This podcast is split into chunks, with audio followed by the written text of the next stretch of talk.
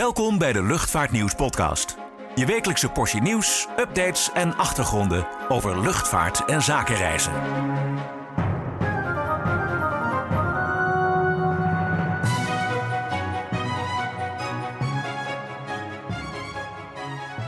Hallo en welkom bij weer een nieuwe Luchtvaartnieuws podcast. Mijn naam is Klaas-Jan van Woerkom en bij mij is mijn collega Richard Schuurman. Goedemiddag. Goedemiddag. Ja, we gaan weer terugblikken op de week, zoals altijd. Cijfers, cijfers, cijfers. Het was weer cijferweek. Eh, het eerste kwartaal eh, zat er eind maart op. De rekenmeesters hebben hun werk gedaan en eh, nu zijn er resultaten te presenteren. Ja, waar zullen we eens mee beginnen? KLM, denk ik? Denk ik wel, hè? Ja, ja precies. Jij hebt dat gevolgd vanochtend, de webcast. Ja, Viel het mee, viel het tegen? weer helemaal oldschool gevolgd. Want waar iedereen zich bedient van ofwel fysieke ofwel eh, online presentaties, eh, houdt eh, KLM waarschijnlijk onder de druk van de Fransen vast aan de aloude telefoon. Waarbij je door een operator nog steeds wordt doorverbonden als je naar Frankrijk belt. Het blijft, het blijft typisch, moet ik zeggen. Dat je mensen niet, niet kunt zien, maar alleen nog kunt horen. Maar goed, dat terzijde. Ehm, ja, om even met de droge cijfers te beginnen. Eh, de KLM-groep, laten we het daar maar eventjes op, op toespitsen. Dus KLM en Transavia, die, eh, die noteerden in het eerste kwartaal een omzet van ruim 2,5 miljard euro. Nou, dus op zich hebben ze dat best netjes gedaan. Dat is Ja. 600 miljoen meer dan eh, in het eerste kwartaal van vorig jaar. En dat komt vooral omdat er meer capaciteit beschikbaar was, meer vliegtuigen. En er ook meer tickets werden verkocht. Eh, eh, CEO Marjan Rintel was eh, eigenlijk best wel tevreden over het eerste kwartaal. Doorgaans is dat het ja, zwakste kwartaal van het hele jaar. Januari, februari, maart is nou niet echt het hoogseizoen qua reizen. Vallen nog niet echt hele grote vakanties in, meestal. Tenzij, nee, inderdaad, nee, de bijvakantie begint in april. Ja, Zomervakantie. paasdagen viel je er ook buiten. Ja, precies. eh, Kerst staat natuurlijk vlak voor. Dus nee, eh, in dat opzicht eh, was het niet, niet heel slecht. Eh, keerzijde van de medaille was wel dat de operationele kosten oplopen. Niet alleen personeelskosten, maar ook vooral de brandstofkosten. En er zijn nog wat, wat dingetjes afgelost tussendoor. In ieder geval een operationeel verlies van 128 miljoen euro in de, in de boeken. Ja. En dat dus op inkomsten van 2,5 miljard. Als ik dan kijk naar hoe Air France dat heeft gedaan. Mhm. Die hadden 3,9 miljard. Dus dat is 1,4 miljard meer dan KLM aan omzet. Ja. Maar ze hebben wel een hogere verlies. 181 miljoen tegen 128 voor KLM. Dus op een of andere reden eh, gaat het bij Air France toch altijd net weer wat anders. Het, eh, het lijkt altijd bij KLM net iets efficiënter te gaan, inderdaad. Waar dat aan ligt, ja, de, de, de loonkosten zullen meespelen natuurlijk. De, de, de Franse bonden die zijn eh, zeer sterk. We hebben gezien in het verleden dat er veel gestaakt werd voor betere lonen. Dus misschien dat het daaraan ligt, dat blijkt niet helemaal uit eh, de Ja, cijfers. al heeft eh, Air France wel een vijfjaar contract, geloof ik nu, met eh, cabinepersoneel.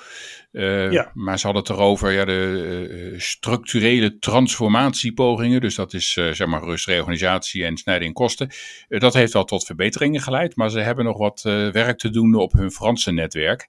En dat leidt dan weer tot hogere kosten daar. Dus ja, in die zin is KLM dan toch weer beter dan Air France, het moederbedrijf. Hè? Ja, zeker, zeker. Nou goed, als je dan verder kijkt naar eh, spannende zaken in de kwartaalcijfers, dan eh, staan die er niet per se in. Tenminste, geen dingen die niet eh, vooraf bekend waren. De, de vlootproblematiek bij KLM, die blijft aanhouden. We hebben het al veel vaker over gehad. Eh, er staat een flink aantal Embraer 195 E2's van KLM Cityhopper langer aan de grond dan wenselijk omdat de eh, motoren eh, kuren vertonen en eh, lange tijd nodig hebben tot, tot ze gerepareerd zijn. Hè, komt door de, de onderdelen ook die niet heel snel geleverd kunnen worden. Hebben Supply ze er chain- iets over gezegd dat dat snel beter wordt? Nee, ze, hebben niet, ze hebben geen verwachting erover uitgesproken. Ze hebben wel gezegd van nou, hè, we moeten inderdaad nog steeds toestellen inhuren. Hè, van German Airways in dit geval worden de Embraer 190's ingehuurd. Ehm, ja, en dat verklaart ook een beetje, hè, want wij krijgen natuurlijk ook wel eens eh, vragen en opmerkingen van hé, hey, waarom helpt KLM eigenlijk Transavia niet uit de brand? Door gewoon even wat, eh, wat toestellen die kant op te schuiven. Ja, die heeft KLM eenvoudigweg niet. Over Transavia gesproken, ehm, de problemen die er nu spelen, die kosten ze bergen met geld. Maar dat kwam uiteraard nog niet naar voren in uh, deze kwartaalcijfers. Daar kan ongetwijfeld meer over gezegd worden in, het, uh, in het tweede kwartaal. Ja, Transavia en dan ook Frankrijk erbij. Dat, dat was een verlies van 172 miljoen. Hè? Althans, een operationeel resultaat van min 172 miljoen in het eerste kwartaal. Ja. Dus uh, ja, dat was ook niet zo gunstig. De, de omzet uh, was ook daar gestegen. Maar uh, ik ben reuze benieuwd wat dat het tweede, tweede kwartaal gaat worden. En hoe de, met name de kosten van de inhuur die Nederland moet doen, dan in deze cijfers gaan gaan, zichtbaar gaan worden. En je hebt ook nog eens een keer de claims die richting Transavia gaan. Dus dat kon nog wel eens een, een behoorlijk uh, interessante persconferentie worden over drie maanden. Absoluut, ja. ja en ook misschien nog in het derde kwartaal. Uh, maar goed, even kijken. Nog laatste dingen. Nou, het was al bekend geworden voordat de jaarcijfers uitkwamen. Uh, dat er weer wordt gesproken met Apollo, een investeerder die nogmaals een flink bedrag aan Air France KLM wil lenen. Ja, 500 miljoen hè? 500 miljoen, uh, uh, of je even wil pinnen. um, nee, en daar, daar is over ook gezegd van hè, dat, ja, die, die, eigenlijk is het onderpand dan een, een, een aantal, of een flink aantal reserveonderdelen. Vorige keer waren dat motoren. en dat ja, schijnt aantrekkelijker te, aantrekkelijker te zijn dan bij de bestaande aandeelhouders nieuw geld ophalen. Hè, want dan heb je het risico dat aandelen gaan verwateren. Uh, details van de deal zijn nog niet duidelijk. De vorige keer was de rente 6% op die lening. Dus uh, dat ja, dat, uh, dat is flink. Maar volgens uh, Steven Zaat, de Nederlandse CFO, is het een aantrekkelijke, aantrekkelijke deal die eraan zit te komen. Dus ja, dat is goed voor de kaspositie in elk geval, in elk geval van Air France KLM. En hoe kijken zij vooruit naar de rest van het jaar? Um, ja, dat is lastig te voorspellen. Ze verwachten natuurlijk wel dat de opwaartse trend zich doorzet hè, qua boekingen. Dat is ook logisch, want de, de, de, de vakantie, um, vakanties die er nu plaatsvinden, de meivakantie, uh, dat, dat, dat zorgt natuurlijk traditioneel voor meer boekingen. Ook de zomervakantie zal iets vooruit worden geboekt. Je ziet ook dat de tarieven, zeker op de middellange afstand, wel iets omhoog zijn gegaan. Dus ook qua, qua yield zal het goed gaan. Um, ze zien ook goede, uh, goede opbrengsten op verre routes. He, de vliegtuigen zitten voller dan ooit, zei, zei Ben ja. Smith. Um, dingetje is natuurlijk wel dat, uh, dat de Chinezen uh, weer terug willen naar Frankrijk. oh ja, dat ligt daar gevoelig, hè? Dat ligt heel gevoelig. Uh, ben Smith zei ook, hè, voor de coronacrisis vlogen de Chinezen met twee keer zoveel capaciteit als wij tussen, tussen Frankrijk en, um, en, en China. Uh, en nu hebben ze helemaal een voordeel omdat ze over Rusland mogen vliegen en wij niet. Vandaar dat Air France protest heeft aangetekend uh, tegen de komst van meer Chinese vluchten. Uh, want Ben Smith zei in het verdrag, in het luchtvaartverdrag tussen Frankrijk en China staat wel dat er een level playing field aangehouden moet worden. Dus dat, hè, dat ze elkaar mogen concurreren en dat er veel gevlogen mag worden, maar dan wel tegen dezelfde voorwaarden. En ja. dat is nu niet zo. Air France moet omvliegen, KLM natuurlijk ook en eigenlijk alle westerse maatschappijen. En dat uh, kost niet alleen tijd, waardoor je een minder aantrekkelijke optie bent voor reizigers. Maar het kost ook een hele hoop extra brandstof en, uh, en uh, ja, personeel qua uren. Dus daar is het laatste woord nog niet, nog niet over gezegd. Nee, want Frans is dan toch naar de regering van president Macron gestapt met de, de vraag van hef eigenlijk een soort speciale belasting voor vluchten van Chinese maatschappijen naar Frankrijk. Maar dat lijkt me ook nog wel een dingetje om dat er rond te krijgen. Ja, dan krijg je nou, weer een behoorlijke oorlog. Uh, uh, ja. Ziet hij dat dan werkelijk zitten, die Ben Smith? Nou, daar heeft hij zich niet over uitgelaten. Maar um, uh, je kunt je wel voorstellen dat er eigenlijk in een verdrag bepaalde dingen zijn afgesproken. Dat je niet zomaar weer een heffing tussendoor, kunt, tussendoor kunt aankomen. Dat je daar weer opnieuw over moet praten. dus dat, nee, dat, dat is het enige eigenlijk wat hij daarover heeft gezegd. Um, verder ja, ging het natuurlijk nog over, over TAP, Portugal. Uh, hoe het daarmee staat. Uh, nou goed, officieel staat TAP nog niet te koop. Hè, er is nog geen, uh, nog geen ja, de, de, de vraag naar biedingen is nog niet geopend door de Portugese regering. maar goed, Air France KLM heeft natuurlijk wel gekeken naar de mogelijkheid om te investeren in, in TAP. En ja, wat Ben Smith daarover zei is eigenlijk, we willen niet kopen om het kopen. We hoeven niet te groeien om te groeien.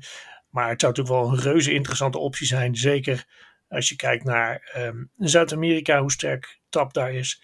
Plus ja, dan zou je dus een, een, een drie-hub systeem hebben. Uh, Amsterdam, Parijs en Lissabon. Maar uh, ja, daar, daar wordt nog niet formeel over gesproken. Of er informeel nee. over gesproken wordt, dat zegt hij natuurlijk niet. Maar Uh, nee, er zijn nog geen formele onderhandelingen. Vorige week was, dacht ik, het nieuws dat de Portugese regering nog weer een soort waardebepaling van TAP Air Portugal laat vaststellen. En dat dat voor de komende zomer moet zijn afgerond. Dus ja, ik denk dat het nog een maand of drie, vier duurt voordat we meer weten oh, tegen welke prijzen het bedrijf in de etalage wordt gezet. Ja, nee, dat, zei, dat, dat werd inderdaad wel gezegd uh, tijdens de toelichting op uh, de cijfers. Dat het inderdaad wel uh, waarschijnlijk voor of anders ergens in de zomer een en ander in gang moet worden gezet. Ja, oké. goed, nou, um, de grote concurrenten van de Air France KLM groep ja, die heb ik gevolgd van de week een beetje. Lufthansa Group, ja, die hebben natuurlijk ook uh, ja. uh, cijfers gepresenteerd. Hoe deden die het in verhouding? Nou, ik ga ze niet allemaal doorlopen. Kijk, uh, Lufthansa deed het op zich goed. Ze kwam tot een operationeel verlies van 273 miljoen. Denk je, oeps. Maar dat was vorig jaar 577 miljoen in het rood. netto verlies was 467 miljoen euro. Um, maar ook zij zeggen, ja, de vliegtuigen zitten een stuk voller. Uh, met name Swiss, uh, die doet het goed. Dat was de enige maatschappij binnen de Lufthansa groep die uh, zwarte cijfers schreef in het eerste kwartaal.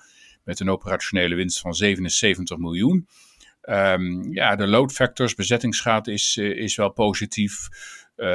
Lufthansa zelf doet het natuurlijk op, op zich ook wel, wel redelijk goed. maar zit nog steeds in onderhandelingen met de pilotenvakbond Cockpit om te kijken hoe het nu op langere termijn verder moet. En ja, die onderhandelingen die gaan uh, stilletjes. Maar ja, er moet wel ergens rond de zomer uh, een akkoord zijn. Anders dan zou het daar wel eens tot stakingen kunnen leiden. En dat is natuurlijk waar ze niet op zitten te wachten. Nee, maar hun vooruitzichten zijn wel... ja, daar komt een, een recordzomer aan. En Lufthansa gaat bewust de capaciteit wat lager houden... om wat extra reserve in te bouwen aan mensen en aan vliegtuigen... Want ook zij zien dat ja, er hoeft maar iets kapot te gaan en, uh, en, en je hebt alweer een capaciteitsprobleem of een, of een vlucht die moet uh, uitvallen. Dus zij verwachten uh, ja, een sterke zomer, houden een beetje het gas in. Maar volgend jaar denken ze dat toch echt wel het niveau van 2019 weer wordt bereikt. En ja, de, de andere concurrent, de, de, derde grote speler in Europa, de International Airlines Group, die is wat dat betreft ook wel positief en optimistisch over de zomer. Want die hadden een, uh, op zich een heel goed resultaat ook wel. Met uh, eh, 9 miljoen euro operationele winst in het eerste kwartaal. Eerste operationele winst sinds 2019 in het eerste kwartaal. Maar uh, ze kijken eigenlijk nou, tot de zomer iets daaroverheen. Maar dan vinden ze het toch wel moeilijk om voorspellingen te doen. Um, want ja, de, de, economie is nog onzeker. De ja. olieprijzen zijn onzeker. De uitkomsten van wat er allemaal in uh, Oekraïne gaat gebeuren zijn onzeker. Eh, dat, inflatie natuurlijk, al houdt dat, weerhoudt dat mensen er niet echt van om te gaan vliegen. Nee, zeker niet. Als je dat dus, inderdaad uh, ziet in die cijfers allemaal. Ja, nou ja, dat, dat, dat is wel opvallend. Aan de ene kant, uh, de, de beste van de klas bij International Airlines Group is dan Iberia. Had een operationele winst van 66 miljoen. British Airways 14 miljoen. Uh, Aer Lingus zat in 9, of 81 miljoen verlies. En Vueling met 64 e, miljoen verlies. En Vueling, ja, dat is ook een beetje zo'n seizoenmaatschappij. Wat je dan ook als uh, Transavia ziet, dat het in de winter wat rustiger is. Ja, dus Die, die zijn maar uh, gaan vliegen naar de Cayman-eilanden en Cairo en Amman. En dat heeft wel hun winterverlies wat beperkt. Maar de vooruitzichten. De Cayman-eilanden trouwens, dat lijkt me nog wel een eind. Ja, nou, ik weet niet hoe ze doen, maar dan, uh, dat is wat de Luis Gallego noemde. Ja, oké. Dus, misschien uh, was hij in de war met Verde. Ik heb geen idee, maar... Dat zou kunnen, ja. Maar als je kijkt naar, naar de planning, ja, uh, vakantievluchten, leisure, dat doet het allemaal heel goed. business doet het heel goed bij Iberia. Hij is alweer op het niveau van 2019, maar bij British Airways wat minder. En British Airways heeft ja, toch eigenlijk vliegtuigen te weinig. Ze hebben natuurlijk na de coronacrisis hun 747's eruit gegooid. En daardoor hebben ze wat, uh, op dit moment eigenlijk wat te weinig uh, long haul, lange afstandscapaciteit. En dat houdt bij hun de capaciteit uh, onder de 100% van, van 2019. Dus British Airways komt waarschijnlijk dit kwartaal op 90% uit en voor het hele jaar op, op 92%. Maar kijk je naar bijvoorbeeld Aer Lingus, die gaat flink pieken richting Amerika en Europa. Die verwachten 105% capaciteit. Um, Iberia 103. En Welling zelfs 109% capaciteit voor over het hele jaar gesproken dan. Dus zij zijn echt wel uh, optimistisch uh, voor dit jaar. En denken dat zelfs hun winstvoorbelastingen boven de 1,8 tot 2,3 miljard uitkomt die ze eerder hebben voorspeld. Ja, ja, precies. Nou goed, British Airways wordt dus afgestraft voor het feit dat ze die mooie 747's zo vroegtijdig uit de vloot hebben gehaald. Ja, maar ze hadden waarschijnlijk op de 777X al gerekend. En die ja, komt natuurlijk later. Ja, ja inschattingsfoutje. Um, goed, wat dat betreft uh, denk ik dat we eventjes genoeg hebben gezegd over de cijfers van deze week. En dan hebben de grote jongens in Europa in ieder geval ook wel even doorgenomen. Ja, precies. Ja. Um, India, daar gebeurt nogal het een en ander. Um, Go First, ja, een, eh, een, concurrent, concurrent van, uh, van Indigo onder andere, van onze grote uh, vriend Pieter Elbers, zou ik maar zeggen. Die, ja, die, die moeten er noodgedwongen mee stoppen, lijkt het.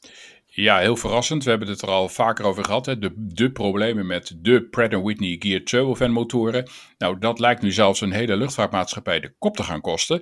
Want Go First, ooit bekend als Go Air, die uh, liet uh, afgelopen woensdag weten dat ze gewoon een aantal dagen niet kunnen vliegen. Dat hebben ze inmiddels verlengd tot de komende maandag, tot en met maandag. Want, zeggen ze, 25 uh, vliegtuigen, ongeveer de helft van onze capaciteit, staat aan de grond vanwege die motorproblemen. En daardoor kunnen ze de dienstregeling niet vliegen, ehm, hebben ze dus te weinig of geen inkomsten. En ja, de kosten draaien wel door, dus reken maar uit, dat is een enorm kostenpost van het worden.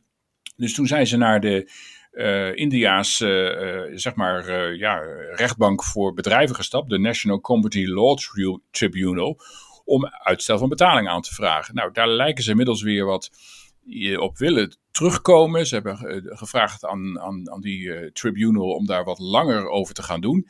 Maar intussen uh, staan daar wel een aantal leasemaatschappijen aan de poort. Uh, en ook niet de kleinste, BOC Aviation bijvoorbeeld en CDB Aviation, SNBC, dat zijn vaak uh, allemaal maatschappijen uit China en Azië. Die willen bij elkaar 23 vliegtuigen al laten uitschrijven uit het Indiase register. Ja, en dan begint natuurlijk de vergelijking met een kaartenhuis te ontstaan. Want ja. Trek je uh, die toestellen eruit, dan ben je dus uh, de helft van de vloot kwijt. En dan is dit de ondergang van Go First. Uh, en ja, wat er nu gebeuren gaat, is onduidelijk. Ik geloof dat India nu, net als Nederland, ook een beetje in de feestdagen sfeer zit. Dus die, die rechtbank zal daar pas na het weekend en waarschijnlijk pas dinsdag, woensdag uitspraken over gaan doen hoe deze procedure loopt. Maar uh, ja, het feit is wel, uh, en die kritiek is ook heel uh, fors richting Pratt Whitney. daar gaat het niet goed. je noemde net als de cityhopper problemen. Lufthansa heeft bij Swiss ook een derde van de A220's aan de grond staan. Ja, er staan zelfs drie spiksplinternieuwe A320's zonder motoren, omdat die als reserve worden gebruikt. Dus daar is echt wel een groot probleem bij die motorenbouwer. En ehm, ja, vandaag hadden we ook nog een bericht. Hè? Iraqi Airways, hetzelfde probleem. Ja. Hup, er staan de A220's aan de grond. Dus uh, het probleem wordt steeds groter. En uh, ja, in India uh, leidt dat dus nu tot het blij, lijkt het te leiden tot het omvallen van Go First. Ja, ja dat is toch ja, heel opvallend inderdaad. Ja, en het is ook de vraag inderdaad, als die uh, leasemaatschappijen hun toestellen terughalen, zijn dat dan gestrande of vliegende toestellen? Want als het 23 vliegende zijn, dan hebben ze er dus nog maar twee over uiteindelijk. Uh, uiteindelijk wel, ja. ja.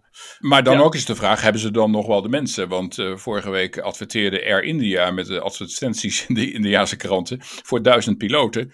En als je de berichten mag geloven, heeft inmiddels redelijk wat personeel uit de cockpit van Go First een mailtje, briefje of telefoontje gepleegd richting Air India. Want die zien natuurlijk de vergelijking met een zinkend schip. Dus uh, uh, ja, uh, Go First lijkt de Jet Airways achterna te gaan. Ja, ja nou, geef inderdaad die, die mensen eens ongelijk. De, de, de werkloosheidswetten in India zijn wat minder, wat minder goed geregeld dan, dan, dan hier. Ja. Ja. Goed, nou laten we dit eventjes bezinken tijdens een korte reclamepauze. En dan zijn we zo meteen weer terug. Word nu abonnee en ontvang 12 keer per jaar het Luchtvaartnieuws magazine. En onbeperkt toegang tot nieuws en achtergronden op luchtvaartnieuws.nl en zakenreisnieuws.nl. Ga voor meer informatie naar luchtvaartnieuws.nl/slash abonneren. Ja, we zijn weer terug. Uh, Transavia, laten we het daar nog even over hebben. Maar dan niet, uh, ja, je kan elke dag bijna opzommen welke vluchten er nu weer uitvallen. Laten we het daar even niet over gaan hebben. Um, ja, wat doorspeelt op de achtergrond, eventjes nog los van de operationele problemen, zijn de CAO-onderhandelingen voor het cabinepersoneel. Want die lijken er, ja, de bonden en Transavia lijken er op dit moment nog niet uit te komen. En dan speelt er iets van een petitie, geloof ik. Wat is dat dan? Een petitie tijdens onderhandelingen. Vond ik best opvallend. Vond ik ook best opvallend en daarom zijn we er ook achteraan gegaan. Nee, nou goed, de, de, zaak is gewoon als volgt. Uh, op 1 april is de, uh, ja, de, de, de huidige CAO voor cabinepersoneel afgelopen. Nou, zoals gebruikelijk loopt die dan nog even door totdat er een nieuw uh, akkoord is gesloten. Dat akkoord is er niet. Transavia zit aan tafel met de VNC en de FNV. En beide partijen zeggen, ja, de, het ligt te ver uit elkaar, vraag en aanbod. Want wat zij vragen is 12% extra loon. Uh, en dat gaat dan om een CAO voor één jaar. Meestal zijn het kortlopende CAO's uh, voor de cabines. Um, en Transavia wil dat niet, wil dat niet geven. Hoe, hoeveel Transavia wel wil geven, dat is niet bekend. Dat houden ze ook eventjes liever aan de onderhandeltafel en brengen ze niet naar buiten. maar inderdaad, wat jij zegt, er is een petitie gestart, een publieke petitie. Die is ook al bijna 800 keer getekend inmiddels. Uh, waarin dus de, de bonden oproepen uh, uh, aan mensen om te tekenen. Om Transavia toch een beetje publiekelijk onder druk te zetten.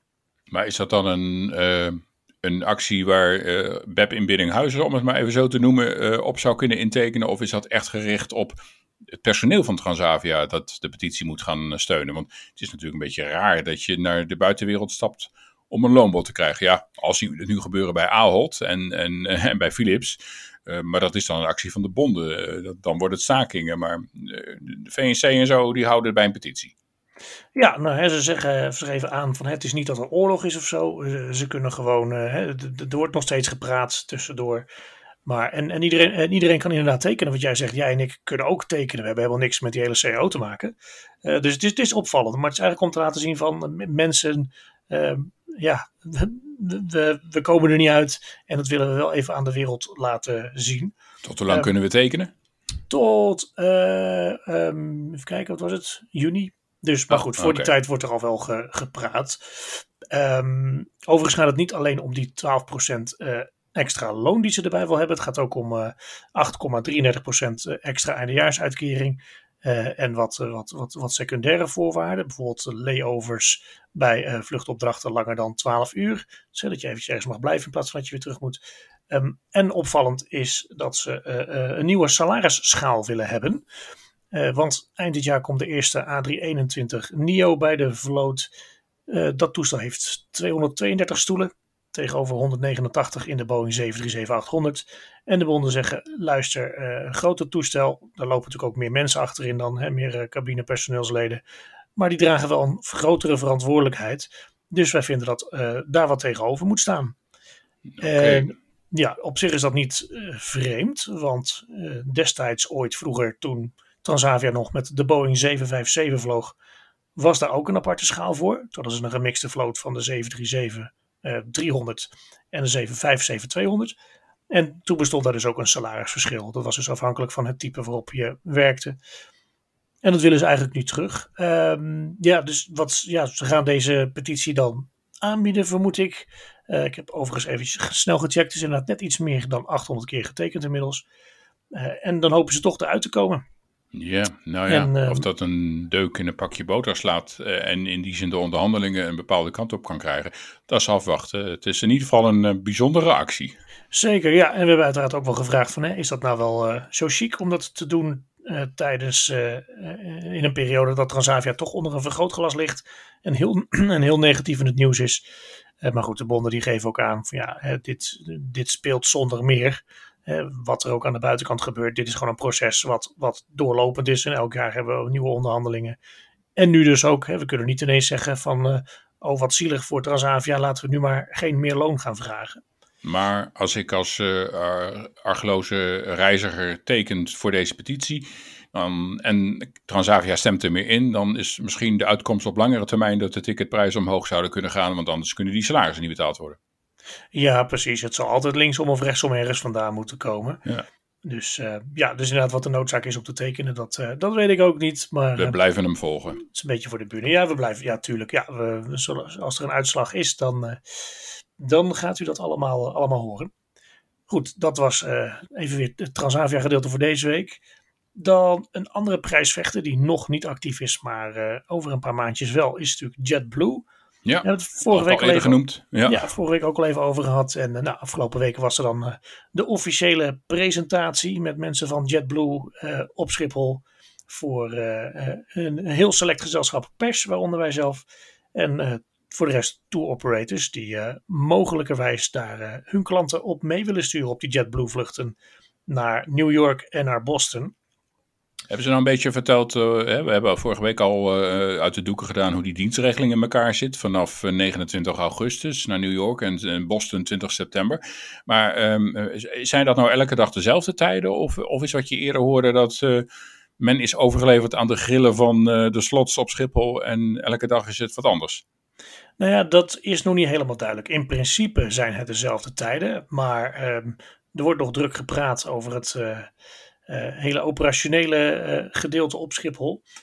Um, wat in ieder geval opvallend is, is dat ze eigenlijk van overtuigd zijn dat ze ook in de winter wel slots zullen krijgen. Ze verkopen ook tickets al voor de routes, maar um, ja, slots zijn officieel nog niet uitgedeeld. En het is natuurlijk lastig genoeg om ertussen te komen om slots te bemachtigen. Uh, ook hoe ze daaraan gekomen zijn, uh, dat vertellen ze er ook niet bij. Het is uh, al bekend dat ze aasdun op de slots van Flybe, die waren vrijgekomen. maar dat ze er ook weer geen historische rechten aan konden verbinden. Ja, dat hebben we ook gemeld. Dat stond ook ja. in documenten die ja. zelf had ingediend bij het Amerikaanse ministerie van Transport. Precies, ja. En uh, inderdaad, ja, het zou heel erg. Uh, eerst hadden ze natuurlijk rottijden waarop ze vlogen. Hè, dat je echt midden in de nacht uit Amerika wegging. Uh, nu is het dan s'avonds om tien uur. Nou, dan heb je een, een, een lekkere nachtvlucht naar, naar Europa toe. toe.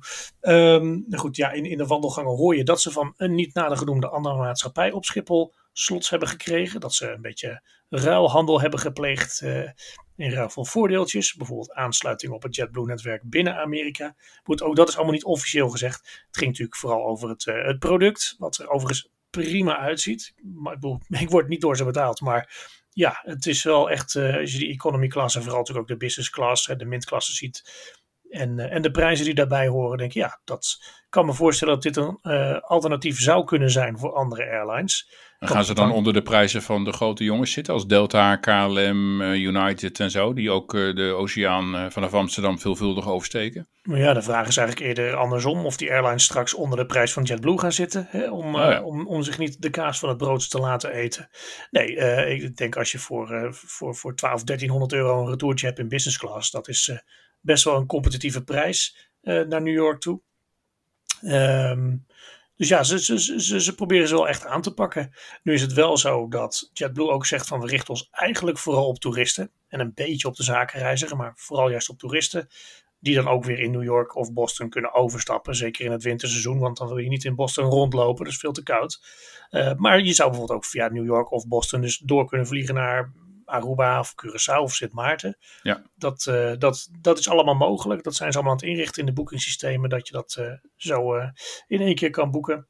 En wie ja, weet ooit in combinatie met Spirit Airlines, maar daar moet ja. nog een plasje over gedaan worden bij ja. een rechter eind dit ja, jaar. precies. Ze hebben ze alleen over verteld dat ze ermee bezig zijn, maar niet... Uh, ja, is trouwens ook nog wel een aardige uh, discussie met een aantal mensen nadien aan, de, aan de bar van hey, hoe, hoe kun je nou JetBlue, hè, wat, wat goed aangeschreven staat hè, qua service en kwaliteit... Uh, wat gaan ze dan met Spirit doen? Want dat is wat weer het tegenovergestelde. Hè? Dat, is, dat schijnt echt kommer en kwel te zijn als je daarmee moet vliegen.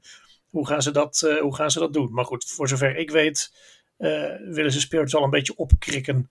Dat was inderdaad wel het plan, ja. Ja, ja, dus maar goed, wat jij al zei, het is, het is nog allemaal niet in kannen en kruiken, die hele, die hele Nee. overname. Nee. Maar goed, ze komen en dat is, dat is sowieso duidelijk. En um, waar ze komen te staan, aan welke gate en, en dat soort dingen, dat uh, zijn ze nu nog allemaal aan het uitdokteren. Het zijn natuurlijk kleine kisten, dus hoeven geen whitebody gates bezet te houden.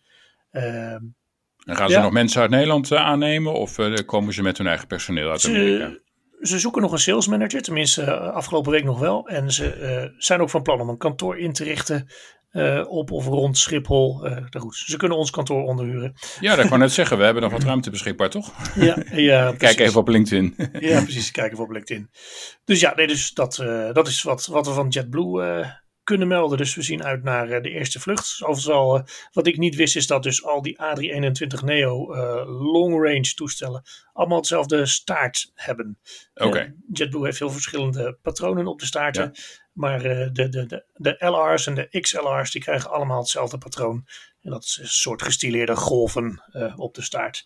Nou, de spotters kunnen ze opwachten. Ja. Je spotters kunnen ze sowieso, sowieso opwachten. Ja, zeker. Ik heb nog denk ik een laatste stukje Airbus. Ja, nog even een nabrander. Uh, ja, daar waren geen, natuurlijk. Geen wereldschokkend nieuws, maar toch weer een dingetje. Dat je, nou, komen ze nou, nog? Kwartaalcijfers waren er van, oh, de, ja. van de week. Uh, ja, dat was uh, eigenlijk voor Airbus een beetje teleurstellend. het eerste kwartaal was niet zo gunstig. Als je kijkt naar het hele bedrijf, 600, 466 miljoen euro winst. Nou, flink bedrag, maar dat was het kwartaal vorig jaar 1,2 miljard. En uh, ja, je merkt wel dat ze toch wat minder toestellen hebben afgeleverd. Dus uh, kijk je naar de, de, de commerciële vliegtuigenafdeling. De omzet was wat lager. Uh, en ook uiteindelijk de winst voor belastingen van die afdeling lag flink lager. Van, om precies te zijn, 580 miljoen in het eerste kwartaal. En dat was een jaar eerder 1,1 miljard. Dat is dan de, de, de winst voor belastingen. Um, ja, men is nog steeds optimistisch uh, over uh, de opschalen van de productie in de loop van dit jaar. Um, terwijl men ook zegt, ja, dat die problemen die zijn wel heel hardnekkig. En die doen zich overal voor. Stoelen, business class stoelen, met name uh, microelektronica, motoren, rompdelen. Maar toch, we gaan ramp-uppen, zoals ze dat dan in het Engels noemen. Um, dus dat is maar even de vraag hoe dat gaat lopen. Um, ja, een heel klein snippertje nieuws wat er nog was. De A350F, hè, het nieuwe vrachtvliegtuig dat ook door Martinair is uh, aangeschaft. Ja, althans, die krijgen er vier. Ja, die komt een tikkie later. Nou ja, echt een klein beetje. Uh, men zei dat dat van eind 2025 naar begin 2026 verschuift. En dat heeft puur te maken volgens Guillaume Faury met ja, de industriële planning, hoe het, het, opzetten van het hele project nu uh, vorm moet krijgen. De eerste stukken van de Wingbox uh, die zijn inmiddels in fabrikage en worden samengesteld voor het eerste toestel. Maar de hele industriële opzet, levering van onderdelen, dat moet allemaal nog echt op gang komen. Dus ja. hebben ze niet heel erg van onder de indruk van dit uitstel. Komt vaker voor bij een nieuw programma. Uh, maar ja, als je echt had verwacht in 2025 je A350F te ontvangen, dan moet je nog iets meer geduld hebben. En misschien wordt het nog wel later, dat gaat nou eenmaal zo. Dus ja, uh, ja nou dat was Airbus dan eigenlijk. Ja, precies. Dus geen, uh, geen grote vertraging in de levering voor nee. de nieuwe toestellen voor Air France KLM Martinair Cargo, zoals het eruit heet. En uh, waarvan we trouwens nog steeds niet weten hoe ze eruit gaan zien. Hè? KLM nee, nee, nee, nee, nee, Dat hielden ze nog uh, geheim uh, of dat misschien nog een verfje en likje rood op mag. Ja. Dus dat moeten we maar even bekijken of de Martinair kleuren daar nog weer een plek zullen krijgen. Ja, precies. Nou, wat we nu nog even gaan bekijken is wat het weekend in petto heeft. Maar dat is privé. dus, nee, nou, misschien. ik weet niet of er nog een mooie flypass te zien is op zaterdag boven Londen. Als natuurlijk ja. King Charles wordt gekroond. Ik verwacht ja, eigenlijk wel dat uh, de, de A330 met uh, de, de, de grote vlag erachterop, de Union, Union Jack, Jack, dat die misschien ja. nog wel ergens opduikt. Maar het zal vooral uh, pracht en praal zijn en, en veel ceremonieel. Dus, maar we ja. gaan het in de gaten houden. Als we leuke plaatjes zien, dan gaan we ze plaatsen op de website. Ja, precies. Ik wou zeggen, bij Queen Elizabeth uh, was er bij, uh, bij het jubileum uh, behoorlijk wat te zien in de lucht. En voorheen natuurlijk ook Concordes en alles. Maar goed, ja. die zijn er niet meer. Maar ongetwijfeld kunnen ze wel aardig, aardig wat van stal halen, civiel en, en militair. Ja. Nou, lekker tv kijken dus morgen naar de kroning. Of niet, misschien is het al mooi weer. Lekker naar buiten. In elk geval, bedankt voor het luisteren en tot de volgende keer weer. Tot de volgende keer. Bedankt voor het luisteren naar de Luchtvaartnieuws podcast. Voor opmerkingen, vragen of suggesties, mail ons redactie@luchtvaartnieuws.nl. Een fijne dag en graag tot de volgende podcast.